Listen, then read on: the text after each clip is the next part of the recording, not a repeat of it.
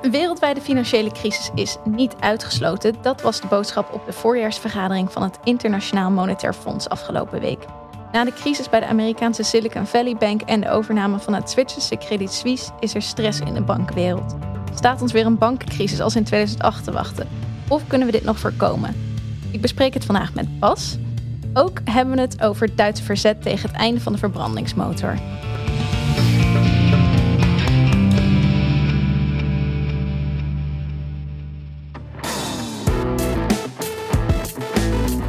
Welkom bij Bellen met Bas, de podcast over Europese politiek waarin we bijpraten met GroenLinks-Europarlementariër Bas Eickhout.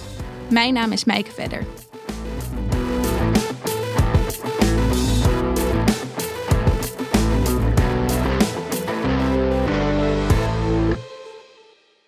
Ja, welkom Bas. Nou, goeiedag Het is een tijd geleden dat we hebben opgenomen, bedacht Ja, ik me. klopt. Ja, Al ja, meer dan een maand. Het is al meer dan een maand. Eh, ja. We zouden het eigenlijk een paar weken geleden doen. Ik was eerst even ziek. Daarna was jij niet helemaal fit. Maar we zitten er nu weer eh, Ja, we hebben nu helemaal eh, fris en we fruitig bij. hebben een paasweekend gehad, dus al- alles kan weer. Ja, genoeg te bespreken. Ook heel veel gebeurt in Brussel, maar ook in de rest van de wereld. Ehm, het eerste wat ik met je wou bespreken was eh, ja, de onderhandelingen over de uitstootnormen van auto's. Daar Ja. heb jij over onderhandeld. Ja. Ehm, we hebben dat eigenlijk al uitgebreid gevierd. In oktober hingen we de vlag uit, want er was goed nieuws. Na die lange onderhandelingen werd een deal gesloten. Vanaf 2035 zouden er geen auto's verkocht meer worden met een verbrandingsmotor. In februari was er toen nog de allerlaatste eindstemming. Die kreeg ook een meerderheid in een parlement. Alles Toch? goed? Ja, het leek allemaal koekenij. eh, maar toch ja, kwam die deal daarna weer op losse schroeven te staan. De Duitse minister van Transport besloot toch niet zijn handtekening onder die deal te zetten. Ehm, ja, misschien kunnen we eerst even terug in de tijd gaan. Wat, wat ging hier allemaal aan vooraf? Hoe verliepen die onderhandelingen? Nou, dit is altijd wel een moeilijk dossier geweest. Eh, het is natuurlijk een heel zichtbaar dossier. Het is eigenlijk wel grappig. Dit, dit was uiteindelijk eh, het eerste, de eerste wet van dat hele grote klimaatpakket, hè, wat we al vaak besproken hebben. Dat eh, gelanceerd werd op eh, 14 juli 2021. Wie weet dat niet meer. Eh, dat waren iets van 14 wetspakket, eh, wetsvoorstellen. Eh, en de meest aansprekende daarin was natuurlijk dit voorstel het einde van de verbrandingsmotor. Want het gebeurt niet zo heel vaak dat een Europese wet in een one-liner is samen te vatten. Dat was deze wel, het einde van de Ja. verbrandingsmotor. En daar kan iedereen nog wel iets bij voorstellen, want iedereen heeft wel eens in een auto gereden of rijdt in een auto. Ehm, dus, dus een heel herkenbaar eh, thema. En wonder boven wonder is deze wet als eerste door de hele machinerie heen gekomen. Ehm, maar dat was met name omdat ehm, het, het zo'n complex dossier was. En eigenlijk zowel raad als parlement, dus lidstaten en het Europees parlement, zo verdeeld waren. Dat uiteindelijk het voorstel van de commissie door beide, instituut, beide instituten amper is, is veranderd. En als je dan dus gaat onderhandelen met elkaar, ja, dan, Ja. dan ben je er redelijk snel uit. Soms heb je echt heel veel artikelen waar je er nog helemaal uit moest komen. Hier, omdat het zo, het is een beetje, een beetje contra-intuïtief, maar omdat het zo'n gevoelig dossier was, heeft eigenlijk geen enkel, eh, nog het Europese parlement, nog de Raad, hebben ze grote wijzigingen aangebracht. En daardoor waren de uiteindelijke onderhandelingen tussen de twee instituten, tussen Raad en parlement, best makkelijk. Hm. Ehm, Maar had de commissie dan ook expres, waren die al met een voorstel gekomen waarvan ze wisten dat eh, daar een meerderheid voor zou zijn in het parlement en bij de, de lidstaten? Ja, dat, dat dus probeert de commissie natuurlijk altijd wel. Per definitie probeert de commissie met een voorstel te komen waarvan ze het gevoel hebben, nou dit kan nog net. Maar toen het werd gelanceerd, werd dit toch wel algemeen beschouwd als, nou, dat is wel ambitieus dat, dat er echt een einddoel komt Ja. eh, in een wet. Daar is Europa nooit zo heel goed in. Hè. We zijn heel goed in reductiepercentages. Maar dit werd echt, nee, dan, in moet het nul 2005 zijn. is het gewoon nul. Dus Ja. 100% reductie. Dat gebeurt niet zo heel vaak. Dat is altijd een beetje een moeilijk momentje.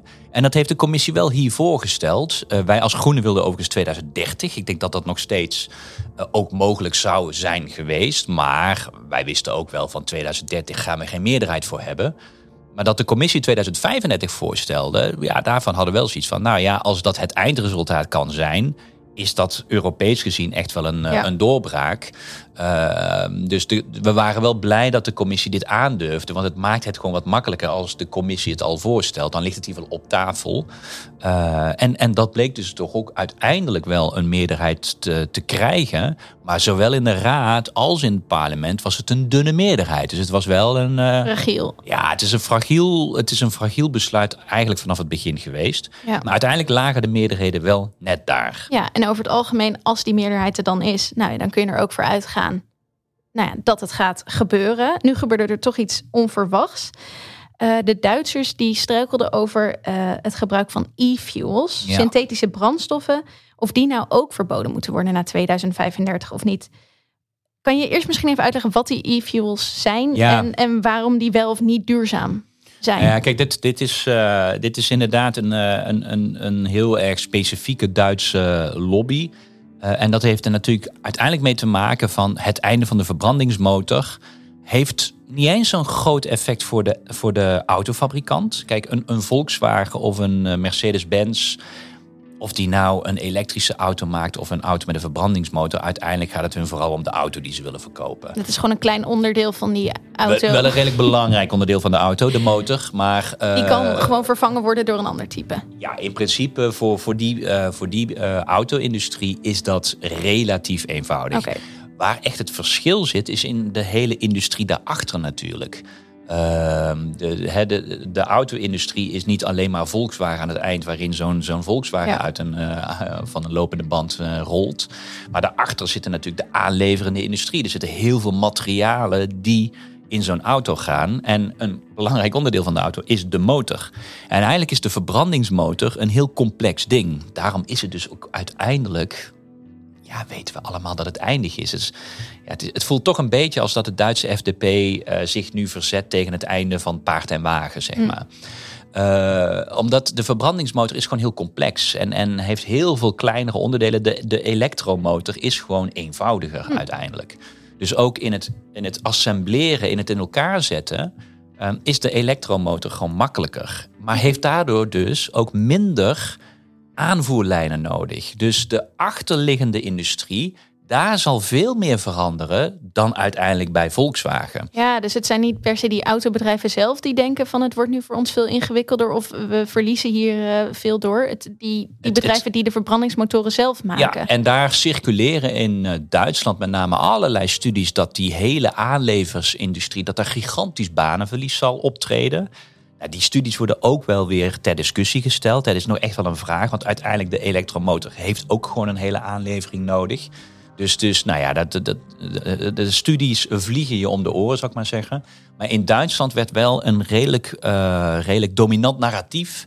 Is dat, eh, dat, dat, dat dit de gehele auto-aanleverindustrie zal raken. En dan kom je natuurlijk wel een beetje bij de Duitse cultuur.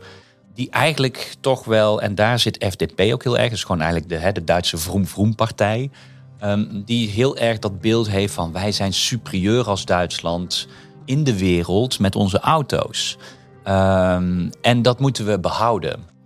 En dan kom je bijna op de fundamentele vraag: ja, maar moet dat met de verbrandingsmotor zijn? Nou ja, volgens mij zegt dus Volkswagen en BMW aan nu uiteindelijk zelf: nee, we kunnen nog steeds superieur zijn, ook met een elektromotor.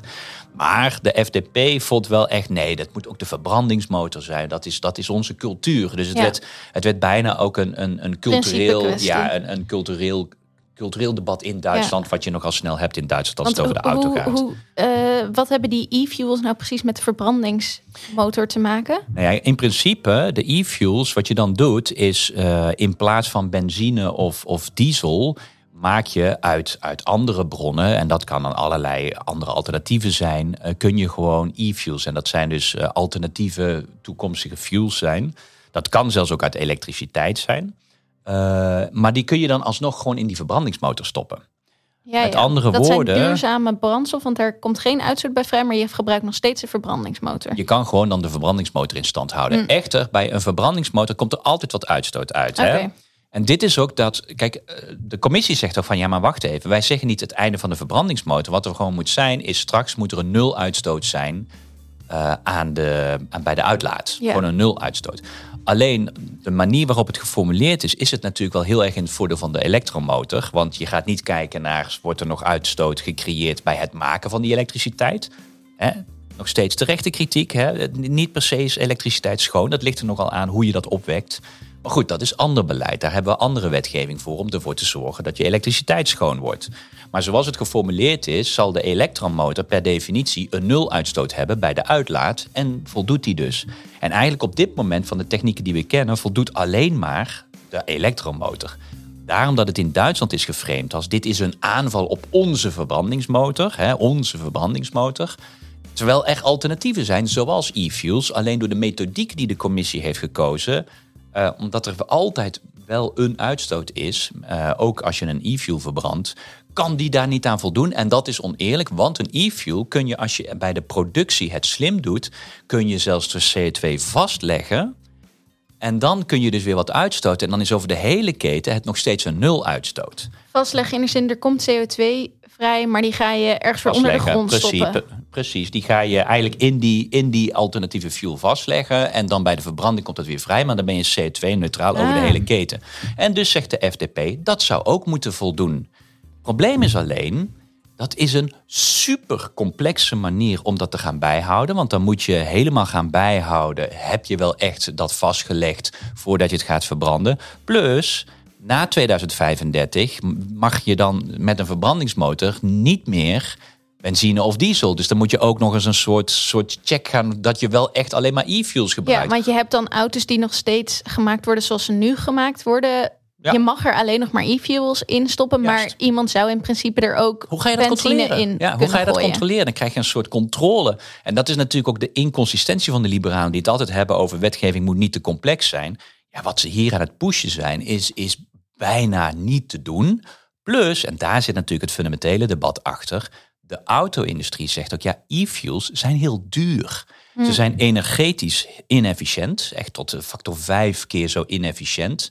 Dus je hebt veel meer energie nodig. Dus een windmolen, je hebt eigenlijk vijf keer zoveel meer windmolens nodig om uiteindelijk met een e-fuel je auto te runnen dan gewoon de elektromotor. Er zitten gewoon heel veel verliezen in om dat te doen. Dus het is energetisch ongelooflijk inefficiënt en het is ook heel duur. Dus het is ook, niemand gaat het doen. Ook van de automakers, de enige die nu een projectje heeft op e-fuels is Porsche. Hmm. Dus daarom dat ook een betere reactie is. We hebben het al eerder gezegd, in die wet wordt er al een uitzondering voor Ferrari gemaakt. En nu gaan we nog iets specifiek voor Porsche doen. Nou, dat lijkt me nou niet echt de sociale wetgeving en een sociale Green nee, Deal die je wil. Niet. Maar ik vind dat dan toch lastig te begrijpen. Het is duur, het is inefficiënt. Uh, het gaat waarschijnlijk ook niet bijna gebeuren. niemand doet het, want inderdaad ook die autobedrijven zelf zijn al veel meer dus met elektrische auto's bezig. Ja. Maar toch maken zij er nu een enorm punt van. Het gebeurt wel eens, Maaike, dat uh, de politiek niet heel rationeel is. Nee, het is een pijnlijke boodschap. Uh, en wat het probleem was hier, kijk, en daarom was dit zo'n unieke situatie, want je hebt helemaal gelijk. In oktober hadden we een akkoord. Zelfs in november is Duitsland akkoord gegaan. Dus Duitsland is ook formeel akkoord gegaan op hoog ambtelijk niveau. Daardoor konden wij naar het parlement, zo werkt het procedure in Europa. Dan wordt het geaccordeerd door Coreper, dus het hoogste ambtelijke raad in Brussel, door de lidstaten. Dan gaat het naar het parlement, die stemmen dat af. En meestal wat er dan gebeurt, is dat het daarna nog door een raad afgehamerd wordt. Gewoon een hamerstuk. Er moet een handtekening onder worden gezet, maar de deal is er al. De deal is geaccordeerd op ambtelijk niveau door het parlement. Ja, dus, het dus ook de Duitse regering was hier al lang mee akkoord. De Duitse regering was, uh, was er helemaal mee akkoord. Maar in Duitsland zijn er ondertussen regionale verkiezingen geweest. FDP heeft nu in Berlijn zelfs de kiestrempel niet gehaald. Dus het gaat gewoon heel slecht met FDP. In een coalitie die nogal gedomineerd wordt door de Groenen. De Groenen doen het goed, hebben een energieminister die dankzij de oorlog in, met, uh, in Oekraïne, zeg maar, energie is een topdiscussie. Mhm. Ze hebben een minister van Buitenlandse Zaken. Nou, door de oorlog in Rusland is dat ook wel een dingetje geworden. Dus de Groenen zitten op hele mooie posten. En waar de liberalen voor hadden gevochten was minister van Financiën. En het enige wat hij afgelopen jaren gedaan heeft, is overal maar geld uitgeven om de energierekening te compenseren. Dat is niet waarom de liberale minister van Financiën wilde worden. Dus ze, hebben, ze zijn niet zichtbaar, ze, ze, ze zijn niet goed in, in deze coalitie. In de peilingen ging het niet lekker. Dus ze zochten gewoon daarna naar een thema om A. de groenen een beetje dwars te zitten. En B. op een thema dat in Duitsland goed ligt. Nou, de auto. Ja. Dus het is puur een politieke overweging waarom de FDP deze Zodat agenda... zij thuis konden claimen van... kijk, we hebben de auto's beschermd. Alles blijft toch zoals het is. We gaan niet mee in die groene Onze gekte. verbrandingsmotor, onze verbrandingsmotor, Maaike, Mm. die gaan wij redden. Eh, en en het, het, het, het trieste is, daarmee geven ze een soort valse zekerheid aan een hele hoop indu- aanleverindustrie. Want dit is, dit is echt bijna voorliegen. Maar ze worden echt electoraal, zijn ze in de peiling zijn ze wel weer omhoog Het heeft gewerkt. Het heeft gewerkt. Jeetje. Dus, dus ja, electoraal betaalt het zich uit. Dus FDP is tevreden dat er een totaal Europese stress over was. En dat je je geloofwaardigheid totaal ondermijnt. Hm. Ja, dat was voor FDP even minder belangrijk. En daarom waren wij ook wel heel erg boos op Scholz. Kijk, de Groenen. Ik had een discussie. Ik had heus wel gevonden dat de Groenen hadden nog wel iets harder er tegenin mogen gaan. Ja, want uiteindelijk moeten, zijn dit toch gewoon een soort van gezamenlijke beslissingen. Kan een minister helemaal op eigen houtje zoiets Ja, gaan in- blokkeren? In Duitsland werkt dat net even wat anders. Eh, ministeries hebben daar iets meer vrijheid om een eigen lijn te doen. En wat dan vaak de Duitse oplossing is in de cultuur van Duitsland, is als dan ministeries, en hier waar hebben we hè, het EZK, zeg maar, het een economie-ministerie, gerund door een groene was voor, het transportminister, ministerie gerund door FDP was tegen. Ja. Dan is de oplossing in Duitsland dat ze gaan onthouden. Maar het probleem was een onthouding, omdat dus die meerderheden zo dun waren, hè, wat ik net zei. Als Duitsland zou zijn gaan onthouden, hadden wij ineens geen meerderheid in de raad meer. En daar was het probleem. Duitsland kon niet in één keer naar een onthouding schuiven, want dan was er geen meerderheid. Nee. Ja, daar zat het probleem. En daar had natuurlijk een Scholz moeten ingrijpen. Dan moet je niet voor de klassieke Duitse oplossing onthouden. Nee, dan moet je wel even Ergens inzien. gaan staan. Nou, je moet inzien dat dit iets meer is dan alleen maar een, een ruzietje in je, in je coalitiepartners. Ja. Maar ja, dat, de, de Scholz heeft dit ook echt wel laten ontsporen. En daar is ook heel veel kritiek op geweest. En er is ook best wel wat schade gedaan. Want uiteindelijk heeft de commissie...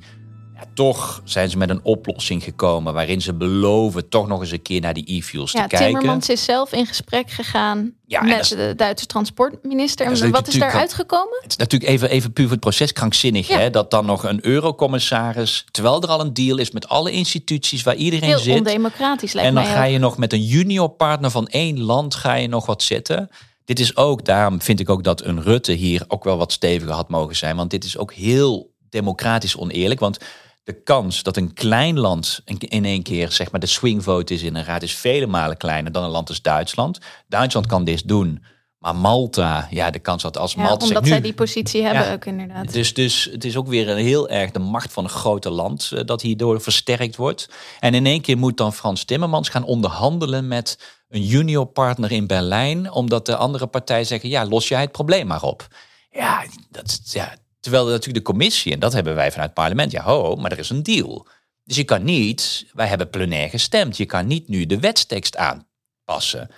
Dus Timmermans zat in een onmogelijke situatie. ja, hij dacht om- ook van liever nu dan Hij- toch nog een akkoord dan dat we nou, weer hij helemaal... moest bijna wel, Ja. want er was dus geen meerderheid in de raad. Maar de wetstekst is al wel plenair afgestemd. Dus je kan niet echt meer juridisch de wetstekst aanpassen. Maar je, eh, je wordt gedwongen om toch nog wat te gaan onderhandelen met de FDP, die eigenlijk gewoon een andere wet wil. Ja. ja, dit was onmogelijk. Nou, uiteindelijk Europees, je komt er wel uit. Maar dat is, nou, je zou bijna kunnen zeggen, er is een inlegvelletje gemaakt. Waarin de commissie wel belooft nu nog met een aanvullend voorstel te komen. Maar wij gaan natuurlijk dat heel kritisch bekijken. Want dat aanvullende voorstel moet op basis van een juridische wetstekst komen. Je kan niet als commissie zomaar, tenzij je een hele nieuwe wet voorstelt. Maar dat gaan ze niet doen. Dus ze zeggen nu, we gaan met een extra voorstel komen op basis van de, de bestaande wetten. Nou, dan willen wij natuurlijk weten, waar is die juridische basis daarvoor? Dus dit moet juridisch wordt het nog even een hele lastige klus Ja. of ze dit gaan rondbreien. En als ze het dan gaan voorstellen, ja, dan gaan ze dus iets heel complex voorstellen rondom dat de e-fuels nog ergens theoretisch wel een mogelijkheid hebben, waarvan je eigenlijk weet dat in de praktijk het niet gaat gebeuren. Oké. Ja, het is een drama, eh, geloofwaardigheid. eh, en dat alleen maar om een, om een coalitiecrisis in Berlijn te voorkomen. Ja. Hoe kijk jij hier nu op terug? Is het een, een overwinning voor de Duitsers, een verlies voor de democratie, of valt het toch ook wel weer mee? Nee, het is, het is een verlies voor de democratie, omdat dit wel een slecht voorbeeld geeft voor andere landen. En dus met name grote landen. Die kunnen gaan denken van, eh, er is een deal, maar ik ga achteraf dan nog zeggen, ja, maar als je mijn stem wil hebben, Ja, moet je mij nog wat geven. Het is dus de precedent is zeer gevaarlijk en zeer eh, kwalijk. Eh, en dat neem ik echt met name Scholz kwalijk. Maar inhoudelijk heeft FDP, ja, vooral electoraal. Symbool, het heeft electoraal leuk gescoord in Duitsland. Bij hun achterban.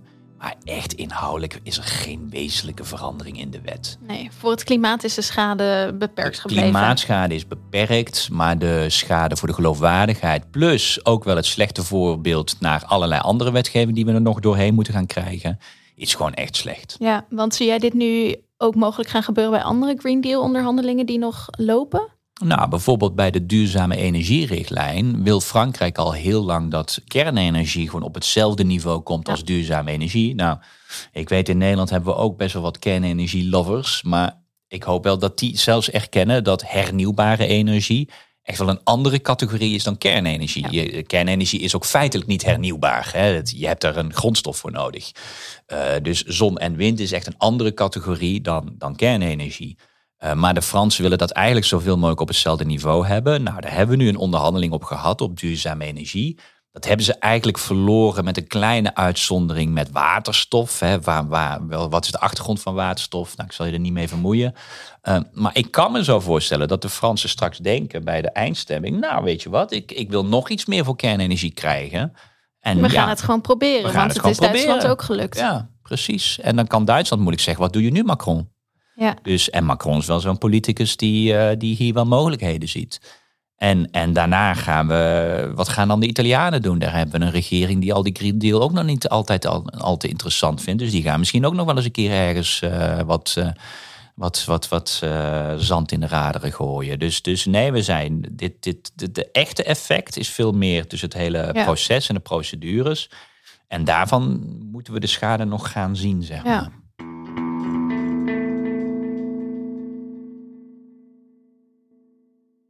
Nou, eh, eh, niet best lijkt me. Kan het parlement hier nog wat aan doen? Of betekent dit echt ook dat toch die lidstaten meer macht naar zich toe trekken? Nou, En, dit is eh, natuurlijk ja. wel weer, dat, zit een, dat is meer een algemene trend, dat we zien dat deze commissie wel heel vaak heel erg probeert de lidstaten te bedienen. En en dat, dat verzwakt het Europees Parlement. Kijk, hier zal het Europees Parlement wel echt toezien dat als het commissie iets gaat voorstellen, dat dat dus op een juridische basis is die ergens in de wet staat. Anders kunnen wij gewoon ook een rechtszaak beginnen. Ja. Eh, en, en ik denk wel dat het parlement dat, eh, dat we daar wel een meerderheid voor gaan krijgen. En wij zullen daar zeker voor strijden. Zodat de commissie ook dat het in ieder geval juridisch zuiver blijft. Dat is in ieder geval stap één. Maar in de algehele trend is dit wel weer dat je gewoon ziet dat, ja, dat de commissie toch wel heel vaak wordt gezien ook als een soort van hé, hey, wij willen wat, regel dat voor ons. En dat vind ik echt wel de grootste zwakte van Van der Leyen. Hè. Ze heeft een aantal dingen echt goed gedaan. Maar ze is wel heel erg eh, van, van het, de wens van de lidstaten bedienen. Eh, en en ja, dat, dat is niet de rol van de commissie. De commissie is de enige Europese instelling die daartussen en boven moet staan. Ja. Eh, die handelt niet in opdracht van de lidstaten. Tuurlijk moeten er meerderheden gevonden worden, maar je, je handelt niet in opdracht. Je hebt een onafhankelijke rol. Die onafhankelijke rol van de commissie die is wel aan het slinken. En dat is wel een beetje de houding van Van der Leyen. En dit is wel weer zo'n voorbeeld waarin je dat ziet. Ja, ja, spannend hoe zich dat ook naar de verkiezingen van volgend jaar toe gaat ontwikkelen, lijkt me. ja, absoluut. Ja. Oké, komen we zoals altijd eh, dus weer op terug. Ehm, het tweede onderwerp waar ik het over wil hebben is de mogelijke bankcrisis die op ons afkomt. Eh, of eigenlijk al eh, nou ja, bezig is. We gaan eerst even naar Biden luisteren.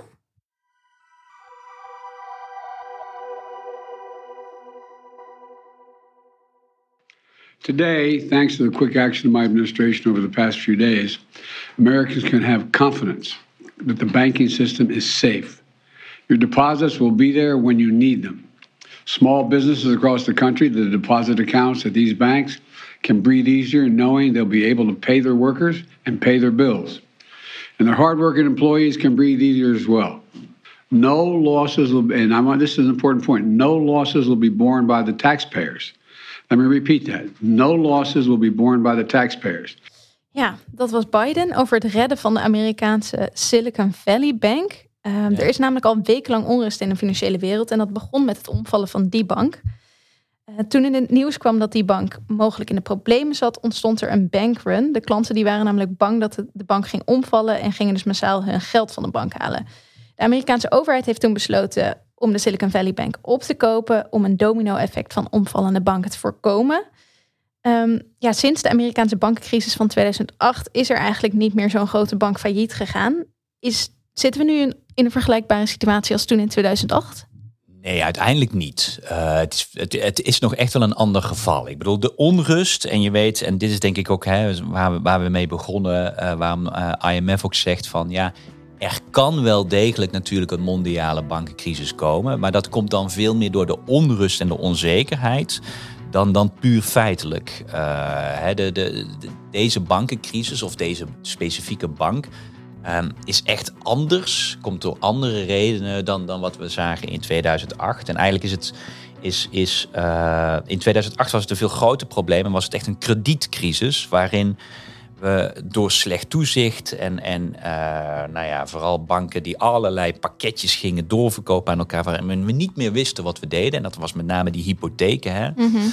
uh, en die bleken totaal ongedekt te zijn. En dat bleek dus allemaal gewoon echt rommel te zijn. Dus die, je zat in lucht te handelen zonder dat je het wist. En die bel werd doorgeprikt. En ineens leek al die banken die met elkaar die luchtpakketjes aan doorgeven waren, bleek, daar bleek niks achter te zitten. Kaartenhuis stortte in elkaar. Kaartenhuis stortte in. Dat is hier echt anders. Dit is niet een kredietcrisis, maar een rentecrisis eigenlijk. En dat heeft te maken met dat de centrale bank, de Fed, die rentepercentages omhoog gaan doen is om die inflatie af te remmen. Terwijl daarvoor natuurlijk alle rentes heel laag waren gegaan omdat we juist te weinig inflatie hadden. Ja, om juist de economie te stimuleren was de rente Precies. heel lang laag. Uh, en, en, inflatie was geen probleem. En dat is natuurlijk in een korte tijd hebben we een, een forse inflatieprobleem gekregen. Nou, met name begonnen met energie, maar ook al iets breder. Dus de uh, centrale bank, met name de Fed, uh, sneller dan de ECB, heeft die rentepercentages omhoog gegooid.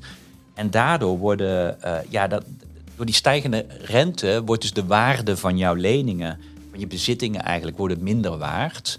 Um, eigenlijk had, had Silicon Valley zat bijvoorbeeld best wel veel in, in staatsobligaties. Hè, dus leningen van, van overheden die over het algemeen als heel, heel solide worden gezien.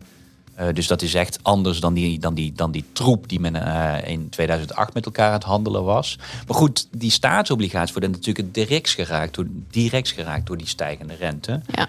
En uh, dan kun je nog zeggen, dat hoeft nog steeds geen probleem te zijn. Het probleem was alleen dat heel veel, dit is een techbedrijf, of dit is een bank die heel veel techbedrijven subsidieert. Die hadden door die stijgende rente ook problemen om, uh, om uh, nieuwe leningen aan te gaan. Dus die wilden hun geld van de bank gaan halen om investeringen te kunnen doen. Ja, als je op dat moment dus door die rentepercentage je bezittingen in waarde dalen en ineens gaat men allemaal vragen van geef mij mijn geld maar terug. Ja, kon Silicon Valley Bank niet niet, niet leveren. En ja, werd er een soort van bankrun op deze specifieke ja. bank. Dus het is minder een systeem dat, dat zeg maar met elkaar verweven mm -hmm. is en aan het omvallen is. Maar het is wel, het laat wel een, een kwetsbaar financieel systeem nog zien, waarin dus het verhogen van een rentepercentage wel zo'n bank keihard kan raken. Ja, want dus door die verhoogde rente, die vooral dus door de uh, oorlog in Oekraïne, nou, daarmee is dat eigenlijk begonnen, die inflatie. Ja, formeel daarvoor al, maar uh, ja. Dat heeft het zeker uh, versterkt. Zeker, ik. zeker. Ja. ja, ja, ja. En, en dus ook de noodzaak voor de centrale banken om, om die inflatie wat te beteugelen, de economie wat af te koelen. Ja. En dan ga je dus die rentepercentages. En de Fed heeft dat in een best wel fors tempo gedaan. En dat heeft gewoon een effect gehad op, uh, op, uh, op, op het rijlen en zeilen van zo'n Silicon Valley Bank. En juist die techbedrijven die dus ja, hun geld wilden gaan inzetten voor investeringen. Ja, die, die kregen, konden dus hun geld niet. Uh, ja, en dan, dan ontstaat er paniek. Dat laat dus wel die onzekerheid ja. zien. En, en ineens ging iedereen proberen het geld van de bank af ja, te halen. Want ja. die, die techbedrijven die wilden hun geld van de bank halen, hadden het zelf ook nodig. Maar ook juist doordat het in het nieuws kwam. Dat Precies. er mogelijk Ja. problemen zouden zijn. Dat de bank zelf ook niet En dan zie je dat weer de, in geld kon eh, veranderen. Dan, ja, en dan zie je die onzekerheid eh, in het systeem, eh, waar dan, dan eigenlijk door eh, dat iedereen denkt, oh, maar wacht even, is, is, staat mijn geld wel veilig? Ja. Het gerucht wordt ook waar omdat mensen het dus van de bank gaan halen en Precies. de bank het dan niet meer kan en dan kun leveren. je gewoon niet meer leveren. Ja, maar dus wel inderdaad, de, de oorzaak ligt iets anders dan in 2008. Ja. Ehm, toch zagen we daarna snel ook in Europa een probleem. In Amerika eh, ging Biden dus snel, eh, nou ja, heeft de Amerikaanse overheid heeft die bank overgenomen om ja, eigenlijk een domino-effect te voorkomen. Ja, Ehm, toch zagen we in Europa kort daarna een andere bank op omvallen staan, Credit Suisse. Ehm, die werd ook in een heel snel tempo overgenomen door een andere bank, UBS. Ja. Is dat toch niet een teken dat, dat we moeten vrezen voor een golf van nog meer problemen? Ja, kijk, dat, dat. Ik denk dat we dat natuurlijk ook in 2008 gezien hebben. We doen altijd alsof eh, de markt een soort rationaal, rationeel iets is. Eh, nou, dat hebben we wel eerder gezien dat dat gewoon niet zo is. En dat daarom wel degelijk ook een markt gereguleerd moet worden. Eh, en dat dat geloof van een totaal gedegereguleerde markt is echt een, een liberale utopie. Ehm, kijk, dus officieel kun je de crisissen niet vergelijken met elkaar. En Credit Suisse is ook wel weer eigenlijk een geval apart. Want dat was ook echt gewoon echt mismanagement. Die bank werd al langer eh, bevraagd. En er waren al langer ja, zelfs ook gewoon corruptie en, en schandalen. Dus die bank had al langer last van schandalen. Dus die stond er al niet zo goed op. Door de onrust in die markt en ook door die stijgende rentepercentages ook in Europa... werden mensen wat onzekerder en gingen ze hun geld afhalen van een Ja. bank waar ze al minder vertrouwen in hadden. Dus in principe Credit Suisse is weer een heel ander geval. Maar de achterliggende eh, reden van onzekerheid en dat mensen dus hun geld gaan afhalen van die bank, ja, dan gaat ook zo'n bank wankelen. En je kan dus puur, nou, een econoom zal zeggen, er zit een hele andere dynamiek achter, dus je kan de crisissen niet met elkaar vergelijken.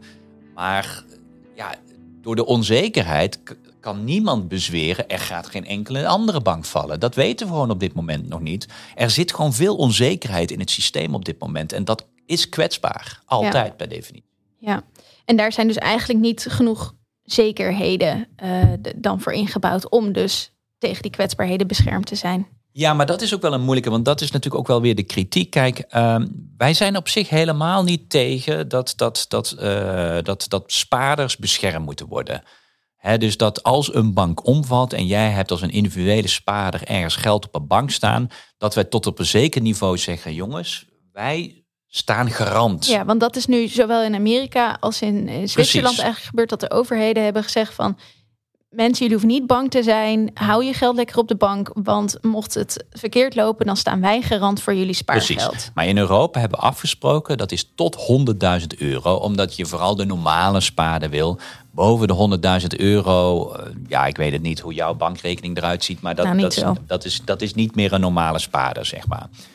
Echter in Amerika heeft Biden, en dat hoorde je hem net zeggen, hè, ik, ik, ik, ik heb het allemaal alles afgedekt. Ja. En dit was ook weer een slimme lobby van diezelfde techbedrijven. Want die techbedrijven, wat toch niet individuele spaarders is, eh, die, die hebben allemaal hun geld alsnog teruggekregen. En dus dat Biden zegt, dit gaat de taxpayers niet, niks kosten. Ja. Nou, sorry, dat is gelul. Want waar haalt hij het geld anders? eh, Ja, precies. Nee, ja, je kan het nu nog zeggen, dat is, maar dit is uiteindelijk ook gewoon... je bent toch weer een private schuld aan het collectiveren. Eh, en we hebben eigenlijk met elkaar afgesproken, dat doen we tot de 100.000. En, en Biden heeft daar eigenlijk onder de lobby van die techbedrijven... die ook geschermd hebben, maar dit is onze innovatieve industrie... die op omvallen staat als je dat niet doet. En we hebben al een risico dat China ons overneemt op techniveau. Dus als jij ons nu niet redt, dan, dan help je China. Nou, Ja. dan heb je in Amerika, wordt de portemonnee getrokken. Dus de techbedrijven hebben dit slim belobbyd. Maar eigenlijk heb je daarmee nog weer meer een, een, een gevoel bij banken gecreëerd... dat de risico's publiek zijn en de winsten privaat. Ja, dat is wel echt een groot probleem. En ja, daarom zolang dat we- het goed gaat, krijgen zij zelf hun, hun winst binnen. Maar als het slecht gaat, staat daar de overheid ja, om in te dan springen. hoeven ze dat risico niet zelf te dragen. En dat is wel echt een fundamenteel probleem waar Biden nu een beetje omheen wauwelt, bijna letterlijk wauwelt. Ja. Eh, ja, dat, dat is wel echt een probleem. En dat, maar dat hebben we dus in Europa in principe de afspraak voor van nee, wij stoppen bij 100.000. Alleen, en daar zit nog een hele fundamentele Europese discussie achter, kan elk land dat wel doen? Kan elk land, als er nu weer een bankencrisis komt, kan Italië die private sfeer, spaarders tot 100.000 wel opvangen? Nederland waarschijnlijk wel, alhoewel we hebben weer hele grote banken eigenlijk als Nederland. Dus, dus kunnen we dat wel Omdat doen? die financiële situaties toch zo verschillend zo zijn. verschillend zijn. We hebben wel één euro, één financieel systeem, maar daarachter, de achtervang is nog nationaal georganiseerd. Daarom dat er al heel lange discussie is over een Europees depositogarantiestelsel. Hè, dat depositogarantie is dus tot die 100.000. Ja. En Eigenlijk zeggen wij al heel lang, dat moet je Europees regelen, want dan heb je echt rust en ook eerlijkheid. Dat er niet een Biden in één keer, nou, ik doe het toch op een eigen manier. Ehm, maar een Europees depositogarantiestelsel is er nog steeds niet, omdat de haviken met name zeggen: nee, eerst willen we zeker weten dat al die banken een schone balans hebben. En pas dan gaan we naar die Europese stap zetten. Ja, dan zit je eigenlijk met een kip-en-ei probleem. Zij willen eigenlijk dat risico zoveel mogelijk verminderen en dan pas die regel introduceren, terwijl ook die regel zelf. Ja, plus zit daar ook wel een heel fundamenteel punt achter, is dat eigenlijk met name de rechtse haviken nog steeds doen alsof hier nationale beslissingen achter zitten. Maar het is ergens een beetje oneerlijk om zeg maar een Italiaanse bank te zeggen, nou ga jij maar eerst en de Italiaanse overheid is daar verantwoordelijk voor. En pas als alles is opgeschoond, dan gaan we het Europees maken. Terwijl natuurlijk de probleem van de Italiaanse bank is ook de probleem van Nederlandse banken. Die, het is zo met elkaar verweven. Ja, maar dus... dat zie je nu al dat als er een Amerikaanse bank kijk, het was niet direct het gevolg dat er daarna problemen in Zwitserland waren, maar dat gewoon stress alleen al dus snel overslaat. Ja, en, dat, en, en we hebben eigenlijk nog steeds een onvoldoende Europees financieel systeem, waardoor dat dus kwetsbaar is. En eh, nou ja, daar. We hebben op een aantal fronten verbeteringen gebracht, maar hier zit nog echt wel een kwetsbaarheid in. En uiteindelijk los je dit alleen op met een Europees depositogarantiestelsel. Nou ja, dat hebben we dus nog niet. Nee, en jij zei dat zijn die, die rechtse haviken die dan dwars gaan liggen voor de mensen die er niet zo in zitten. Wie zijn dat? Nou ja, dat zijn eigenlijk eh, toch, ja, de, de- ik zou zeggen, de conservatieve politici denken in Nederland aan de VVD, die nog steeds een beetje pretendeert dat, eh, dat Europa eh, opgedeeld kan worden in 27 landen met 27 financiële stelsels. Wat natuurlijk deels zo is als je het hebt over pensioenen en dergelijke. Maar deels de financiële sector weer totaal niet. Want heel veel leningen zitten ook weer bij ING. Dus als een Italiaanse bank in problemen komt, gaat ook een Nederlandse bank Ja. in problemen komen. Dus, maar dat is, een, is een onwelkome boodschap. Want als je dat Europees gaat maken, wordt dat gezien als het collectiveren van risico's die, waar wij Ja. niets aan hebben meegedaan. Dan gaan wij weer meer betalen. Dan vergeten wij dat we dus, wij als Nederland weer veel meer profiteren van die Europese markt dan een Italië. Eh, dus solidariteit is daarin altijd maar een beperkt iets. En Ja. we zijn alleen solidair als wij er geld aan verdienen eigenlijk. Jammer.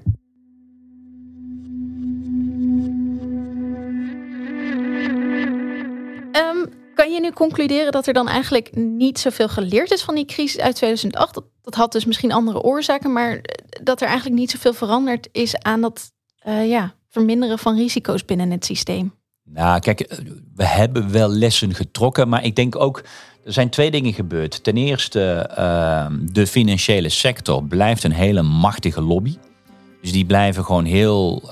kijk, na 2008 wisten ze: oké, hebben ons misdragen, dus we moeten misschien even stil zijn. En toen kwam er wel een roep op meer regulering. En we zijn echt die hele stap van deregulering, wat we daarvoor natuurlijk altijd hebben gehad. Eh, geef banken de ruimte, geld moet rollen, financieel systeem moet gewoon lekker kunnen uitgeven. Nou, dat hebben we gezien. Die deregulering heeft ons gewoon geleid tot de eurocrisis uiteindelijk. Ehm, dus de banken wisten wel van nu moeten wij even stilzitten en moeten wij wat regulering eh, accepteren. Ehm, maar die wisten eigenlijk ook al wel in de loop der tijd kunnen we wel weer proberen dat die regulering toch wat zwakker wordt dan, dan het echt is. Dus dan zie je, ja, we leren wel, maar we vergeten ook snel. En ook hier zie je ook weer vooral de rechtse politici die eigenlijk al redelijk snel weer zeiden van ja, maar we moeten niet te veel reguleren, want dan gaan de banken niet hun werk doen, namelijk de economie stimuleren. Dat je zegt ja, maar jongens, als een bank gewoon eh, kwetsbaar is, moeten ze misschien ook niet te veel geld in het systeem pompen, want dat is niet gedekt dat geld, dat is ongedekt geld. Nou ja, dus, dus je zag al meteen rechtse politici al heel snel wel weer terugkrabbelen. Maar wat er ook gebeurde is, ons monetair systeem werd een beetje in slaap gesust natuurlijk door die hele lage rentes. Dus we hebben een eurocrisis gehad. Daarna is er eigenlijk heel lang een hele lage inflatie geweest. Dus de centrale banken hebben die rentepercentages heel laag gemaakt om maar die economie te stimuleren, hè, om, om het te laten lopen. Um, en dat heeft ook wel een bepaalde luiheid bij de banken. Van ja, er was, er was Ja, we waren weer uit die crisis. Het ging redelijk goed, dus er was Ja. ook geen reden. bijna geen rentepercentages op de schulden. Dus, dus weet je, de, de sky is the limit werd toch Ja. wel weer snel gepercipieerd. En eh, als dan in één keer nu de centrale banken toch weer eh, ja, eigenlijk op de rem gaan trappen, ja, heeft dat in één keer wel een effect eh, op, op, op, op het hele systeem. Want Ja. dat we dat, ja, die, die hogere rentepercentages zijn we niet meer gewend, heel simpel gezegd. Denk je in die zin dat die, die bankencrisis of nou, in ieder geval stress die er nu is, dat dat wel weer tot het inzicht kan leiden dat er toch betere regelgeving en meer toezicht nodig is? Nou ja, kijk, ik denk dat nog steeds een van de belangrijke zaken is, is natuurlijk van hoeveel buffercapaciteit eisen wij nu bij banken.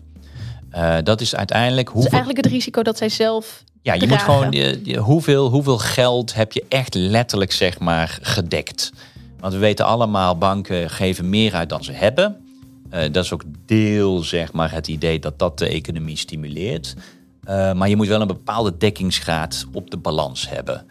Uh, daar is natuurlijk wel heel snel gezegd van dat dat moet beter. Nou, dat zijn internationale onderhandelingen, Basel-afspraken. maar bij de omzetting van Basel in Europese wetgeving zie je gewoon, en helaas zijn een aantal besluiten daarin al genomen, maar we, we hebben nog een aantal te gaan. Dat ook het Europees Parlement, het rechtse deel van het Europees Parlement, zegt: ja, maar die buffereisen zijn eigenlijk te veel. Want even puur vanuit een, eh, een, een, een liberaal econoom geldt dat jij als buffer achter moet houden, is gewoon geld dat niet uh, zijn functie doet. Ja, het is verloren geld. Uh, ja, maar daar zit dus een reden voor. Omdat we anders, dan moet je ook gewoon ophouden met private banken, weet je. Als wij continu maar denken, banken gaan maar lekker risico nemen. En als het misgaat, dan springt de overheid wel bij. Dan moeten we misschien gewoon ophouden met private banken. Nou, er zijn ook partijen die zeggen, dat moeten we ook doen. Nou, wij zeggen van, dat, dat in ieder geval moet je ervoor zorgen dat die private banken een eigen verantwoordelijkheid hebben. En een buffercapaciteit is daarin een hele belangrijke.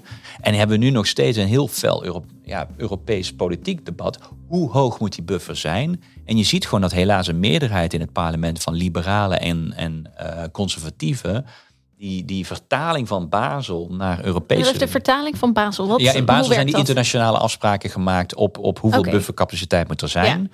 Eh, er zit ook nog een hele fundamentele discussie over uh, groen risico. Moet dat dan meer bufferen en minder? Hm. Nou, er zitten allerlei discussies achter.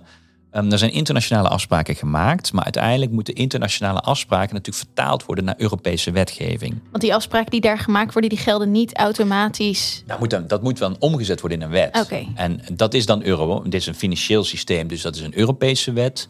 Uh, en in principe zou je zeggen, vertaal nu gewoon die, Euro, hè, vertaal gewoon die Baselafspraak in een Europese wet klaar.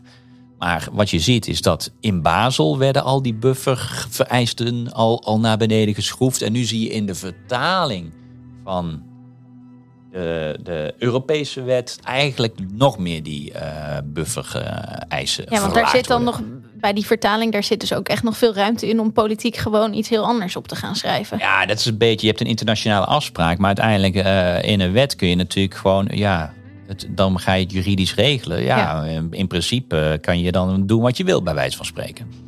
Oké. Nou ja, dat is dat. En daar zitten we helaas toch nu nog wel in. En wij proberen nu wel, wij hopen dat nu wel weer iets meer gerealiseerd wordt van jongens, we moeten dus die we moeten echt weer toch strenger zijn op, op die banken. Ja, wat er nu gebeurt, dat laat, laat dus juist zien dat dat nodig is. Maar dit is een continue strijd toch echt met rechts-Europa... die uiteindelijk, zelfs na een eurocrisis... waarin je echt hebt gezien dat deregulering hoe kwetsbaar er is... maar je hebt het ook in Amerika gezien... Trump kwam, uh, en wat, een van de eerste dingen die Trump heeft gedaan... dereguleren van de financiële sector. Ja, terwijl hij nu Biden de schuld geeft van ja, de nou crisis. Ja, als er iets gelul is, is het dat wel... Uh, want hier kon Biden niet zo heel veel aan doen. En eigenlijk de achtervang, die deregulering, heeft Trump gewoon weer. Dus alle lessen van die crisis in Amerika zijn door Trump bijna weer uit het raam gegooid. Uh, en, en daar zie je dan dat daar de problemen nog wat groter zijn. Maar ook in Europa zie je dat het meer, nou ja, de politici vergeten zijn dat die deregulering zo schadelijk is geweest. En je ziet toch, het zit helaas in het DNA van de liberaal te denken dat deregulering prima is. Terwijl ja, hoe vaak moeten we gewoon zien dat deregulering ons juist hele grote problemen heeft opgeleverd. Ja. Maar ja, dat is echt een politiek fundamenteel debat natuurlijk dat we hebben in Europa. Het is geen positieve aflevering over de, de liberalen vandaag. Uh, nee, ja, goed. Het is ook een andere politieke familie natuurlijk. Ja, niet heel verrassend.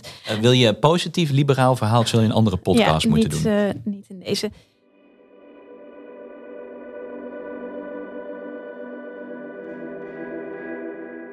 Nog even een laatste vraag, want we hebben het over betere regulering, maar dat gaat niet nu meteen, denk ik, een uh, verschil maken bij de bankenstress die nu mm -hmm. speelt.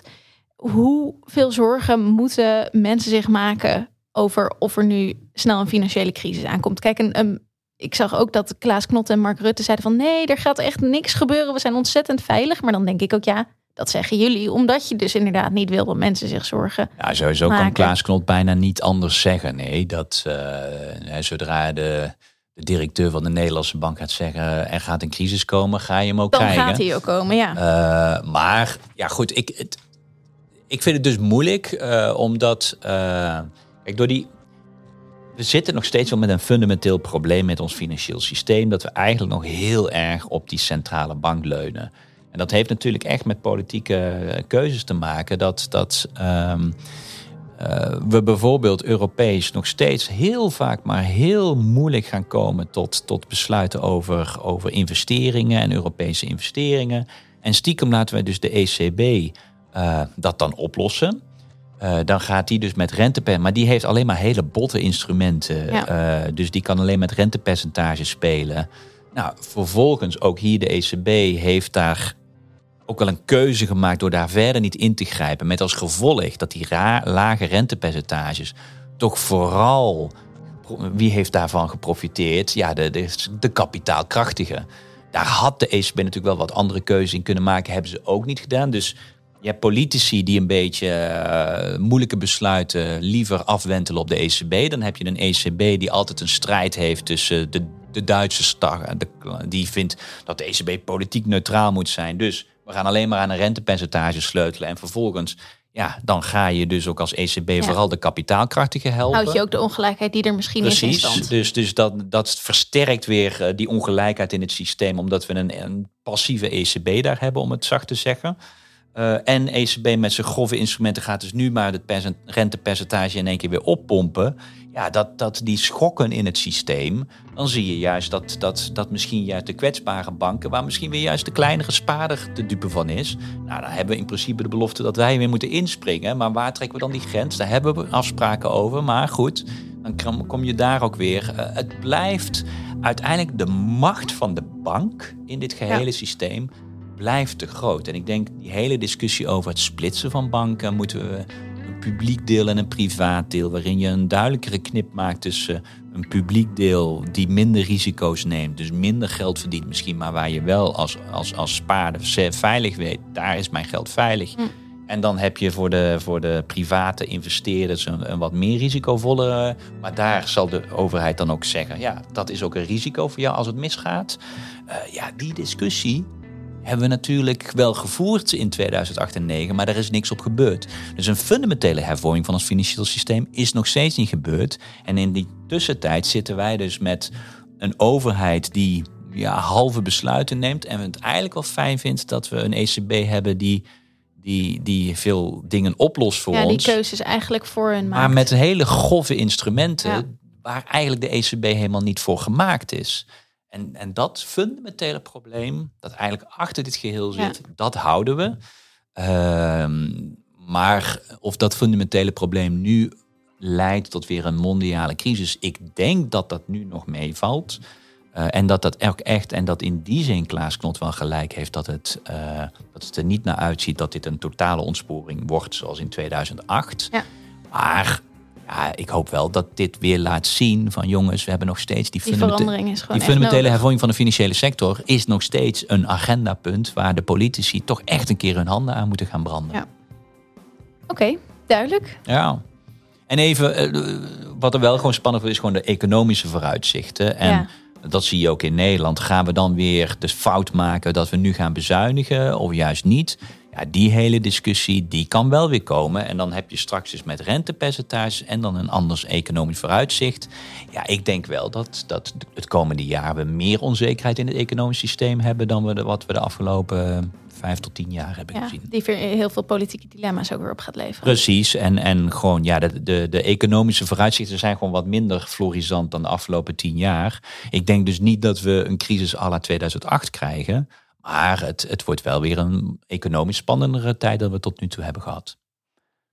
Genoeg, en dat in een uh, tijd, terwijl er veel investeringen nodig zijn voor onze, voor onze ja. transitie. Dus dat is wel, uh, jawel, er, is wel, er zit wel weer veel spanning op. Uh, maar ja, niet, niet à la 2008. Dat denk ik inderdaad niet. Nee, dus ook jij zegt niet allemaal massaal naar de bank rennen nu. Nee, nee. Oké. Ik doe het zelf liever niet. Nee, gelukkig. Ehm, voor nu heel erg bedankt en we spreken elkaar snel weer. Graag gedaan.